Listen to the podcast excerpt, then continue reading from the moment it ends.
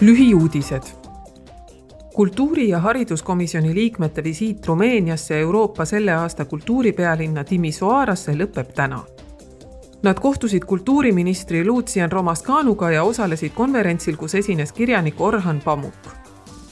samuti kohtusid parlamendiliikmed kohalike omavalitsuste esindajatega ning kultuuripealinna kultuuriprogrammi korraldajatega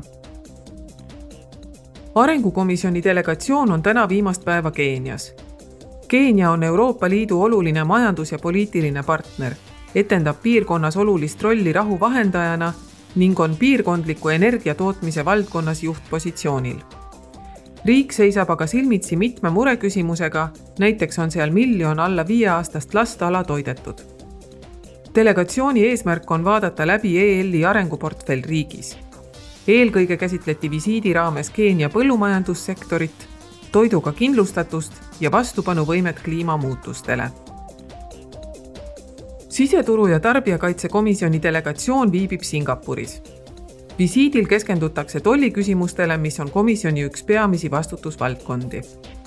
delegatsioon soovib õppida Singapuri kogemustest tootlikkuse suurendamisel ning kohtuda seal asuvate ASEAN-i ettevõtete esindajatega, kes ekspordivad kaupu EL-i parlamendi uudised lähevad nüüd lihavõttepühade pausile. järgmised uudised on eetris teisipäeval, üheteistkümnendal aprillil.